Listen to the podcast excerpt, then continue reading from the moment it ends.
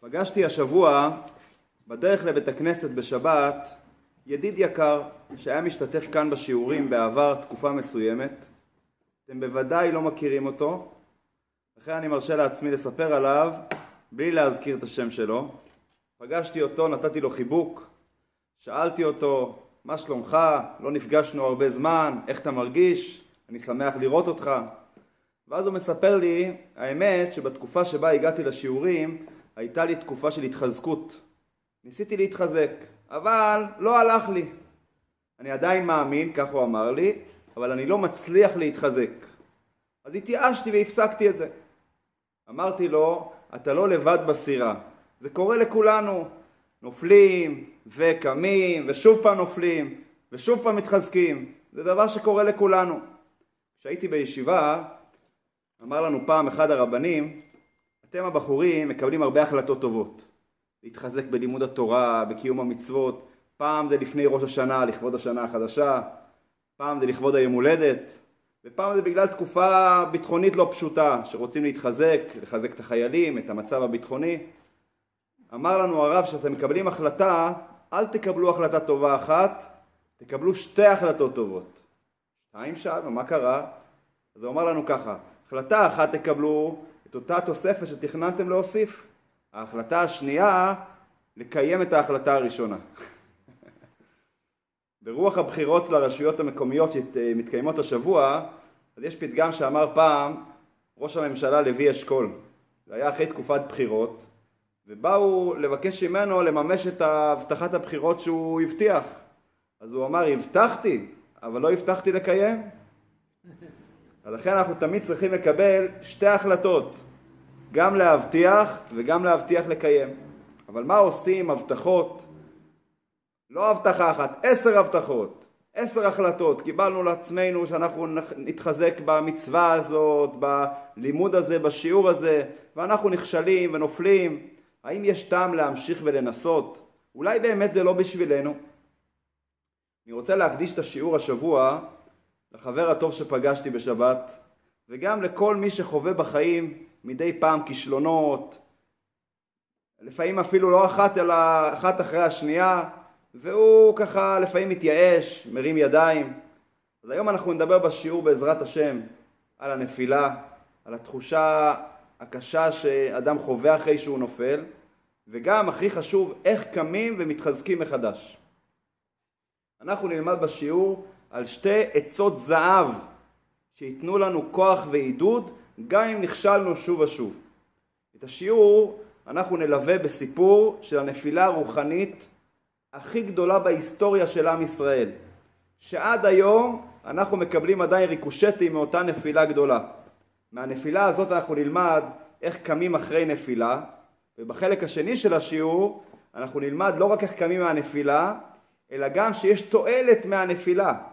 כן, אפשר להרוויח מהנפילה דברים שלא הרווחנו עוד לפני כן. זה נלמד בחלק השני של השיעור.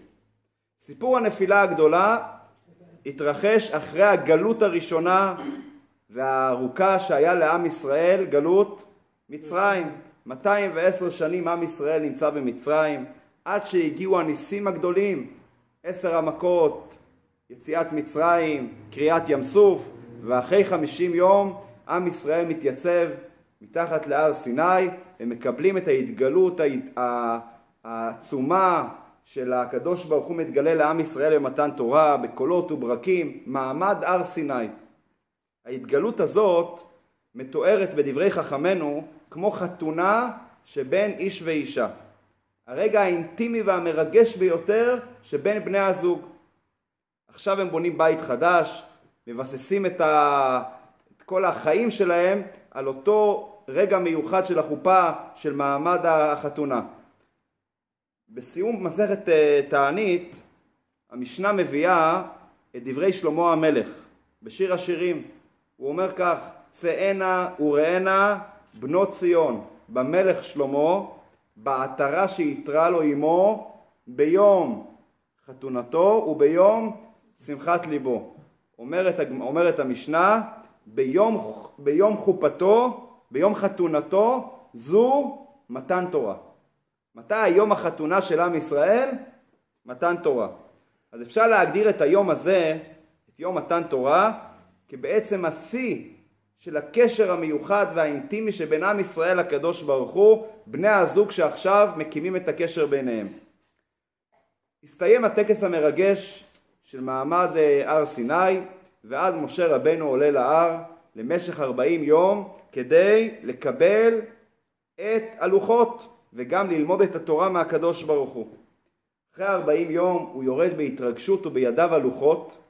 אגב, המדרש אומר שהלוחות הם היו הכתובה שבין עם ישראל לקדוש ברוך הוא.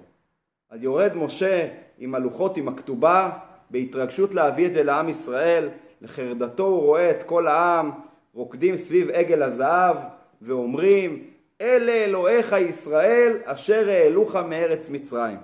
משה לא מאמין למראה עיניו, הוא מחליט על דעת עצמו לשבור את הלוחות, הוא משליך אותם מידיו ושובר אותם מתחת להר סיני. ההתרגשות הגדולה של בני הזוג אחרי ארבעים יום הפכה לשבר גדול ועצום בין עם ישראל לקדוש ברוך הוא. כדי להבין את עומק השבר בין עם ישראל לאלוקים, נלמד את מה שהתלמוד אומר במסכת שבת. התלמוד מתאר את עם ישראל בזמן חטא העגל כמו כלה המזנה בתוך חופתה.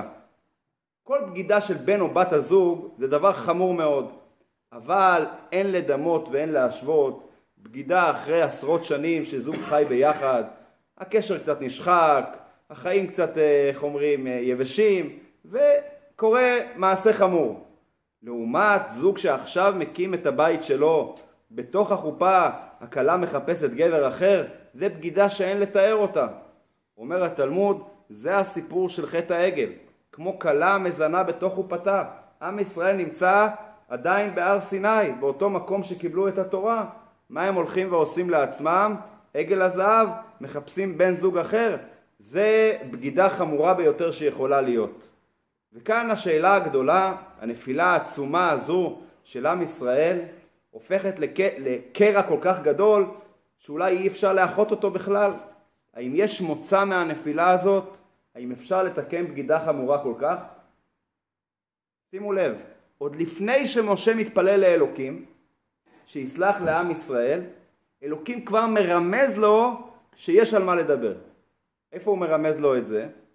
הקדוש ברוך הוא אומר לו בפרשת השבוע, ועתה הניחה לי ואיחר אפי בהם ואכלם. מפרש רש"י, למה אלוקים אומר למשה תניח לי? הרי משה עדיין לא התפלל לעם ישראל. מה זה תניח לי? אומר רש"י, מכאן למדנו שאחרי החטא החמור של עם ישראל בחטא העגל, אלוקים מרמז למשה שהדבר תלוי בך. אם תתפלל עליהם, אני לא אכלה את עם ישראל. לכן הוא מרמז לו, תניח לי. כלומר, יש לך אפשרות לתפוס אותי. מה? זה כתוב במקום אחר בספר דברים, שהוא אומר ערף ממני ואשמידם, זה בעצם אותו רעיון רק במילים אחרות, שהוא אומר לו תעזוב אותי, כלומר תפוס אותי, תפלל. מה משה רבנו עושה מיד? ויכל משה את פני השם אלוקיו, ויאמר למה השם יחרה אפך בעמך, זכור לאברהם, ליצחק ולישראל עבדיך אשר נשבעת להם. אגב, את הקריאה בתורה הזו קוראים בתענית ציבור, שבהם אנחנו מתפללים לקדוש ברוך הוא שיעורר אותם, שיעורר רחמי שמיים על עם ישראל. זה התפילה של משה. ומתי הוא התפלל אותה? שהקדוש ברוך הוא מרמז לו, אחרי חטא העגל, יש על מה לדבר. הדבר תלוי בך. התהליך הזה של האיחוי הקרע הנורא הזה בין עם ישראל לקדוש ברוך הוא לא היה כל כך פשוט. אחרי שבירת הלוחות, משה עולה להר ארבעים יום לבקש רחמים על עם ישראל, אלוקים עדיין לא סולח לעם ישראל. נקרא ארבעים יום האמצעיים, שהיה בכעס. לאחר מכן הוא עולה פעם שלישית ארבעים יום, מראש חודש אלול עד יום הכיפורים, ואז בסיום ארבעים יום האלה, יום הכיפורים, אומר אלוקים את שתי המילים המרגשות והמיוחדות, סלחתי כדבריך. אבל גם אחרי התיקון והסליחה, עדיין הריקושטים, כמו שאמרנו קודם, קיימים עד היום. כמו שאלוקים אומר למשה, וביום פוקדי ופקדתי עליהם חטאתם. פירשו על כך חכמינו, אין פורענות באה לעם ישראל שאין בה קצת מפירעון נבון העגל.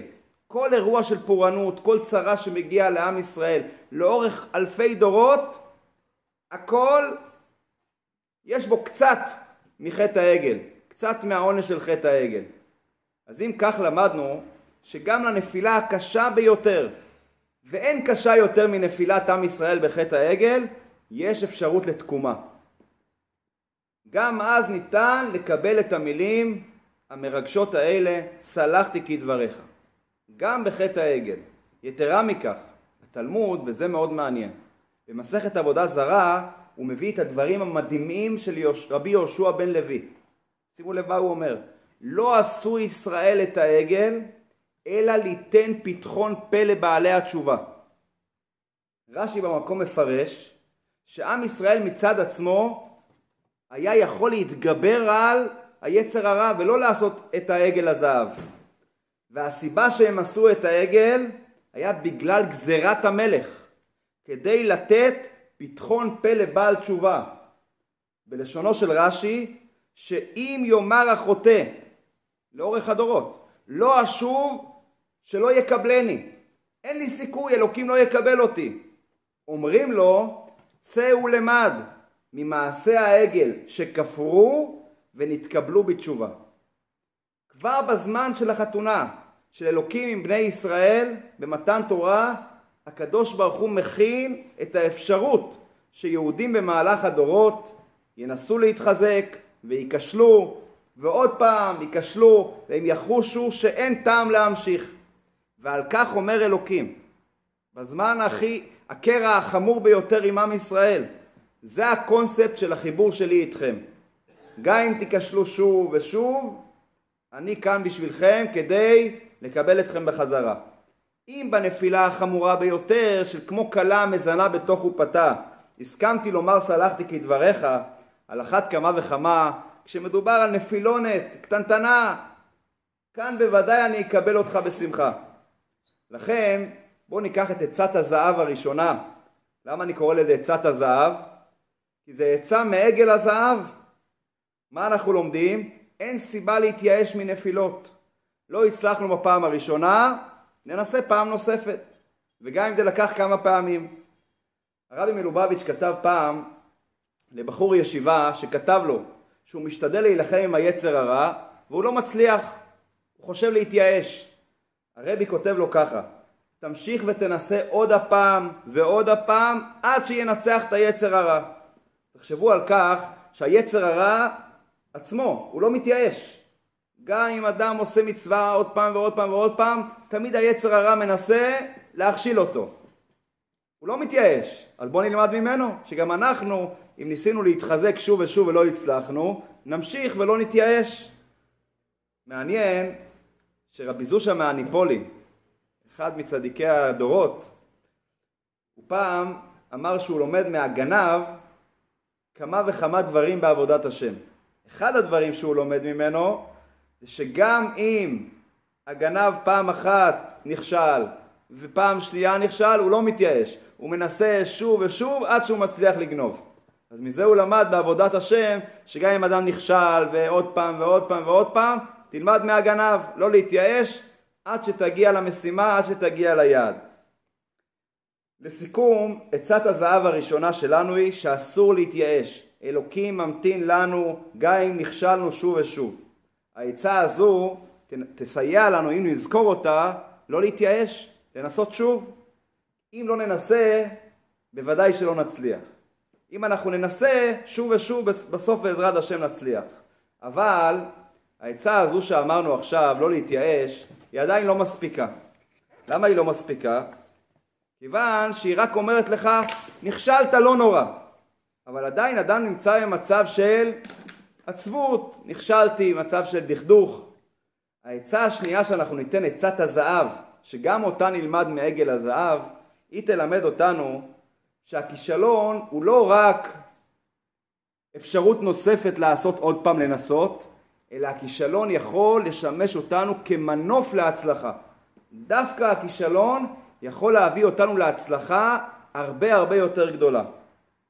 כמו שאמרתי, גם את העצה הזאת אנחנו נלמד מסיפור עגל הזהב, וזו עצה מאוד מאוד מיוחדת. הזכרנו קודם שמשה שבר את הלוחות על דעת עצמו. התלמוד במסכת שבת מביא שלושה דברים שעשה משה מדעתו. לאחר מכן אלוקים מסכים איתו בדיעבד. אחד מהם זה שבירת הלוחות. שואל התלמוד, היכן מרומז בתורה שהקדוש ברוך הוא מסכים לשבירת הלוחות? איפה זה כתוב? משה כתוב שבר את הלוחות. איפה כתוב שהקדוש ברוך הוא מסכים עם שבירת הלוחות? מביא החכם ריש לקיש את דברי התורה שאלוקים אומר למשה אחרי שהוא סלח לעם ישראל. מה כתוב בתורה? שהקדוש ברוך הוא אומר לו כך, פסול לך שני לוחות אבנים כראשונים, וכתבתי על הלוחות את הדברים אשר היו על הלוחות הראשונים אשר שיברת. אלוקים מבקש ממשה להביא לו לוחות שניים כדי לכתוב עליהם את אותם דברים שהיו כתובים על הלוחות הראשונים. הלוחות הראשונים היו מהשמיים. כן, הלוחות הראשונים, גם, ה, גם המכתב היה משמיים וגם הלוחות עצמם היו משמיים. הלוחות השניים, המכתב, הלוחות עצמם היו של משה, פסול לך. רק הקדוש ברוך הוא כתב את הלוחות, אבל הם עצמם היו של משה רבנו, פסול לך. נתן לו רמז ממה להרכיב את הלוחות, כן. מאבן ספיר. עכשיו שים לב דבר מעניין. אחרי שהוא אומר פסול לך, מה הוא מוסיף בסוף? כלוחות הראשונים אשר שיברת. למה זה חשוב להגיד אשר שיברת? למה זה חשוב להזכיר שהוא שבר את הלוחות? אומר ריש לקיש, בכך אלוקים רומז לו, אשר שיברת, יישר כוחך ששיברת. אגב, זה המקור לגרסה האשכנזית של חזק וברוך. יישר כוח, או בגרסה המקוצרת שקויח, זה מגיע מהמילים יישר כוחך ששיברת. רש"י בתלמוד מפרש שהמילה אשר שיברת זה מלשון אישור. אומר רש"י ככה, שאישרו ושיבחו על שבירתן. בדברי רש"י אלוקים לא רק מאשר, רש"י מוסיף ואומר גם שיבח אותו. שיבח אותו על כך שהוא שבר את הלוחות. למה אלוקים משבח את משה על כך שהוא שבר את הלוחות? האם זה מעשה כל כך ראוי לשבור את הלוחות, שאדם קיבל על זה, אדם קיבל מהקדוש ברוך הוא את הלוחות, ועכשיו הוא שובר בלי רשות, על זה צריך להגיד לו תודה רבה, כל הכבוד שעשית דבר כזה. הוא יכול להגיד לו בסדר, אבל למה לשבח אותו? מסתבר שבשבירת הלוחות יש מעלה גדולה מאוד, שלכן אלוקים משבח את משה על שבירת הלוחות. אז מה הסיפור של שבירת הלוחות? למה הקדוש ברוך הוא משבח את משה? את הסוד של שבירת הלוחות מגלה לנו המדרש. המדרש אומר כך: אמר לו הקדוש ברוך הוא למשה, אל תצטער בלוחות הראשונות, שלא היו אלא עשרת הדיברות בלבד, ובלוחות השניים אני נותן לך שיהא בהם הלכות, מדרש ואגדות כפליים לתושייה. כלומר, דווקא בזכות שבירת הלוחות, זכו עם ישראל לקבל את השפע העצום של התורה. בלי שבירת הלוחות, הם לא היו זוכים לכל השפע. בזכות שבירת הלוחות הם זכו לכך. אגב, התלמוד במסכת נדרים אומר גם משהו דומה. החכם רב עדה ברבי חנינא אומר כך, אם לא היו ישראל חוטאים בחטא העגל, לא ניתן להם אלא חמישה חומשי תורה וספר יהושע בלבד. דווקא, דווקא בגלל שבירת הלוחות הם זכו לכל האוצר העצום של התורה. והתלמוד מביא על כך את דברי שלמה המלך בספר קהלת, כי ברוב חוכמה רוב כעס. דווקא בזכות רוב הכעס שאני כעסתי על עם ישראל על חטא העגל ועל כל החטאים שהם עשו לאחר מכן, בזכות זה הם זכו לרוב חוכמה לדברי הנביאים, לדברי התלמוד, לתורה שבעל פה. אז יוצא עם כך שזאת הסיבה שאלוקים אומר למשה, אשר שיברת, יישר כוחך ששיברת. בזכות שבירת הלוחות הראשונות, עם ישראל זוכה לקבל את השפע והאוצר העצום של התורה שהגיע יחד עם הלוחות השניות. השאלה שכמובן נשאלת היא, למה? איך יכול להיות שדווקא הנפילה הקשה והחמורה ביותר של עם ישראל תזכה אותם בפרס גדול לקבל את כל האוצר של התורה. האם החטאים הם סיבה לעונשים או לפרסים? למה הם מקבלים פרס על זה שהם, על זה שהם חטאו בעגל? בזכות זה הם יקבלו את כל התורה? התשובה לכך תיתן לנו את עצת הזהב השנייה והחשובה מסיפור רגל הזהב. כדי לקלוט החוכמה של אלוקים, לא מספיק להיות חכם גדול. כי כמה חכם שלא תהיה, אתה עדיין בשר ודם, ואין לך סיכוי לקבל את החוכמה העצומה והאינסופית של בורא העולם. תנו, תחשבו לעצמכם בעל חיים. אפילו אם הוא יהיה הכי חכם, הוא לא יכול להגיע לתובנות ולחישובים של אדם בשר ודם הכי פשוט. למה? כי סוג החוכמה של האדם הוא נעלה וגבוה הרבה יותר מסוג החוכמה של בעלי החיים. אז איך אנחנו מצפים שאדם בשר ודם, חכם ככל שיהיה, יבין את חוכמתו האינסופית של בורא העולם? זה לגמרי לא מובן מאליו. אז איך זה קורה בכל זאת? זה דווקא על ידי שהאדם מקטין את עצמו. ככל שהאדם משפיל את עצמו, מבטל את עצמו, אז כך הוא פחות מרגיש את עצמו, וככה הוא יכול יותר להרגיש את אלוקים. ולכן אם האדם רוצה לקלוט את חוכמת האלוקים, חוכמה של הבורא, הצעד הראשון לזה, לבטל את עצמו. ככל שהוא יבטל את עצמו יותר, ככה הוא יוכל יותר לקבל את חוכמתו של אלוקים. לכן בסיום תפילת שמונה עשרה אנחנו אומרים, אנחנו מבקשים מהקדוש ברוך הוא שיפתח לנו את הלב בתורה. מה אנחנו אומרים? פתח ליבי בתורתך. לפני הבקשה הזאת אנחנו מוסיפים משפט. מה המשפט? ונפשי כעפר לכל תהיה. מה הקשר בין שני המשפטים? הקשר הוא הדוק. כדי שיהיה פתח ליבי בתורתך, בתורתו של אלוקים, איך בשר ודם יכול להבין את התורה של אלוקים? בשביל זה אנחנו צריכים את ההקדמה, ונפשי כעפר לכל תהיה. כשאתה תבטל את עצמך, כמה שתבטל את עצמך, ככה תוכל לקבל את החוכמה של הקדוש ברוך הוא. שאלו פעם את הרבי מקוצק, הוא היה ידוע מאוד בחריפות שלו. שאלו אותו, היכן אלוקים נמצא? אז הוא ענה, בדרכו החריפה, אלוקים נמצא בכל מקום שנותנים לו להיכנס. תשובה יפה. אם האדם מבטל את האגו שלו, אם האדם מבטל את. את המציאות שלו, על ידי זה הוא יכול שהקדוש ברוך הוא ייכנס אליו, וכך הוא יוכל להבין את החוכמה העצומה של הקדוש ברוך הוא. כשמשה רבינו שובר את הלוחות, מה הוא גרם לעם ישראל? שבר גדול, זעזוע. לוקח את הלוחות שקיבלו מהקדוש ברוך הוא לעם ישראל, הוא לוקח אותם ושובר אותם. וזה גרם לעם ישראל התבטלות ושבר, הכנעה. עם ישראל התחרט מעומק הלב על הדברים הלא טובים שהם עשו. וההתבטלות הזאת, ההורדה העצמית מהאגו של העם ישראל, זה דווקא גרם שהם יהיו כלים ראויים יותר לקבל את החוכמה של הקדוש ברוך הוא. כי הם הגיעו לרמת התבטלות הרבה יותר גבוהה מאשר הייתה לפני שקיבלו את התורה. כי אז לא היה להם את השבר הזה. השבר הזה הגיע דווקא בזכות שבירת הלוחות. ולכן דווקא בזכות שבירת הלוחות והחרטה העמוקה שהגיעה לעם ישראל, זה זיכה אותם לקבל את האוצר האינסופי של התורה. זה מה שהקדוש ברוך הוא אומר למשה, אשר שיברת, יישר כוחך ששיברת. בזכות שבירת הלוחות גרמת לעם ישראל את ההתבטלות, את ההכנעה, וזה גרם שהם יוכלו לקבל את התורה. על פי זה אנחנו נבין דבר נפלא ביותר. חכמינו אומרים שבתוך בית המקדש, במקום הקדוש ביותר שזה קודש הקודשים, היה מונח כלי אחד בלבד, הכלי הקדוש ביותר שזה ארון הברית. בתוך הארון, מה היה נמצא? היו מונחים הלוחות.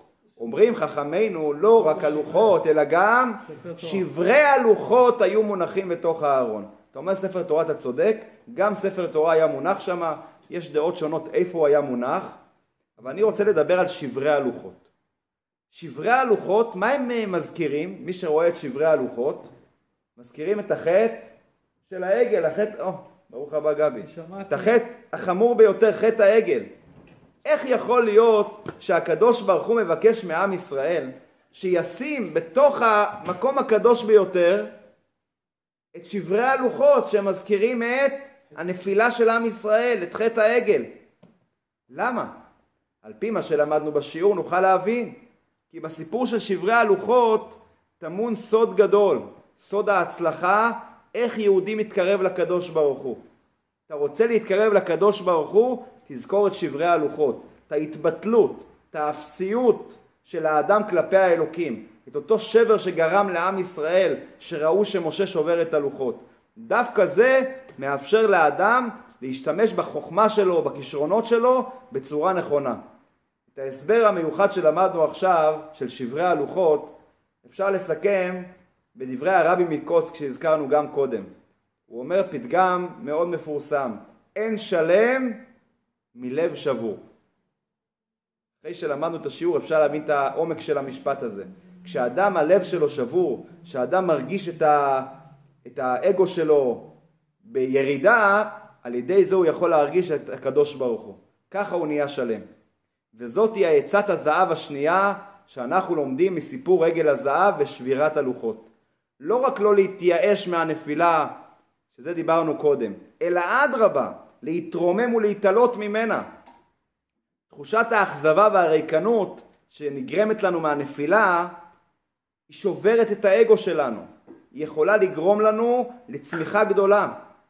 אבל בשביל זה תמיד צריך לזכור את העצה הראשונה, לא להתייאש.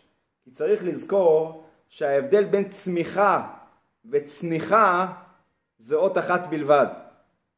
כשאדם נמצא בתקופה של אכזבה, כישלון, יאו, נפילה, יש לו שתי אפשרויות, או לצמוח, או חלילה לצנוח. בספר התניא, בעל התניא מגדיר את ההבדל בין שתי התחושות, עצבות או מרירות.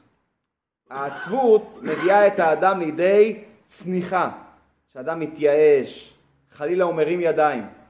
לעומת, לעומת זאת המרירות היא גורמת לאדם רצון להתרומם ולהתעלות מהנפילה שבה הוא נמצא ודווקא היא תביא את האדם למקום גבוה יותר, הרבה יותר גבוה מהיכן שהוא היה בהתחלה. אז אם אנחנו נסכם את מה שלמדנו היום, בואו ונזכור את עצות הזהב. אם חווינו חלילה נפילה, אם חווינו אכזבה, רצינו להתחזק, לא הצלחנו, אסור לנו חלילה להתייאש מזה, אסור לנו לצנוח, אלא עלינו לזכור שכבר בראשית הקשר של עם ישראל עם הקדוש ברוך הוא, הוא לימד אותנו שהדרך להתקרב אליו יותר עוברת הרבה פעמים דרך כישלונות, דרך חטאים, דרך נפילות, ולכן נזכור את שתי עצות הזהב עליהם למדנו בשיעור. מהסיפור של עגל הזהב ושבירת הלוחות. האחת, לא להתייאש, לנסות שוב ושוב, והשנייה, להתרומם ולצמוח גבוה יותר. אז אם נהניתם מעצות הזהב של היום, תשתפו גם את החברים שלכם, שגם הם ייהנו וגם הם בעזרת השם לא יצנחו אלא יצמחו ויעלו.